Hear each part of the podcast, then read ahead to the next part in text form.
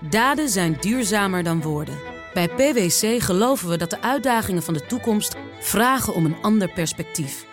Door deze uitdagingen van alle kanten te bekijken, komen we samen tot duurzame oplossingen. Zo zetten we duurzaamheidsambities om in acties die ertoe doen. Ga naar pwc.nl.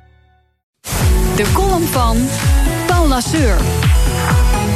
De val van Lehman Brothers precies tien jaar geleden was het startschot voor een wereldwijde bankencrisis gevolgd door een economische recessie van historische proporties.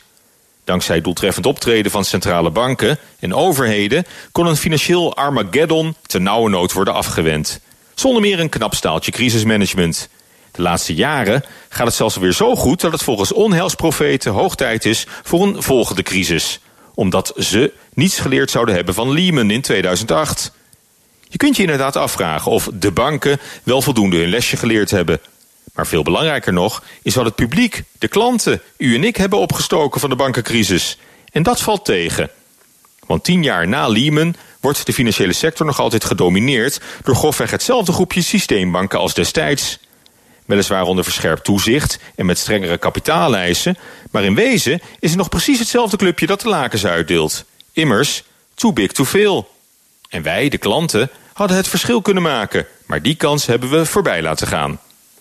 De hevige maatschappelijke verontwaardiging over arrogantie, bonussen, megalomanie was al snel gedoofd.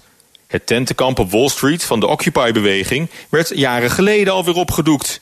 Wat bleef is verbittering, gemopper en allerlei milde vormen van bankbashing. Maar harde actie, ho. Een revolutie in bankenland bleef uit. Tien jaar hebben de uitdagers van het systeem nu de tijd gehad om zich te bewijzen als volwaardig alternatief voor traditionele banken. Knap en Bunk, knuffelbanken Triodos en ASN, fintech, blockchain, crowdfunding. Maar vergeleken met de grote jongens blijft het gerommel in de marge. Hoeveel van ons durven het aan om volledig over te stappen? De gemeente Amsterdam, die dreigde vorige week zijn huisbankier ING te verlaten na de witwasaffaire. Maar moet wel toegeven dat ING de grote hoeveelheid bankzaken van de hoofdstad prima afhandelt. Of de linkse oppositie in de Tweede Kamer, die Kamervragen stelt over de rol van Goldman Sachs bij een mogelijke beursgang van de Volksbank. Allemaal stemmingmakerij en symboolpolitiek, verder niets. Het is schijnheilig gepruttel voor de bühne. Tien jaar na de val van Lehman Brothers durf ik wel te stellen dat de traditionele banken als winnaars uit de crisis zijn gekomen. Dankzij miljardensteun van de staat, dat wel. En een bankierseed, de klantcentraal en nog meer blabla. Maar per saldo zijn de systeembanken nog precies dezelfde spin in het financiële web die ze altijd al waren. Wij, de klanten, kunnen weinig anders doen dan erkennen dat traditionele grootbanken een onmisbare rol vervullen in het economisch verkeer. We hebben ze keihard nodig, of we dat nu leuk vinden of niet. Prettige maandag!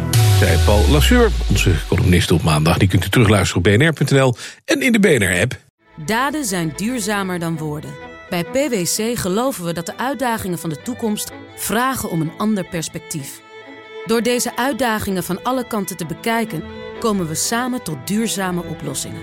Zo zetten we duurzaamheidsambities om in acties die ertoe doen. Ga naar pwc.nl.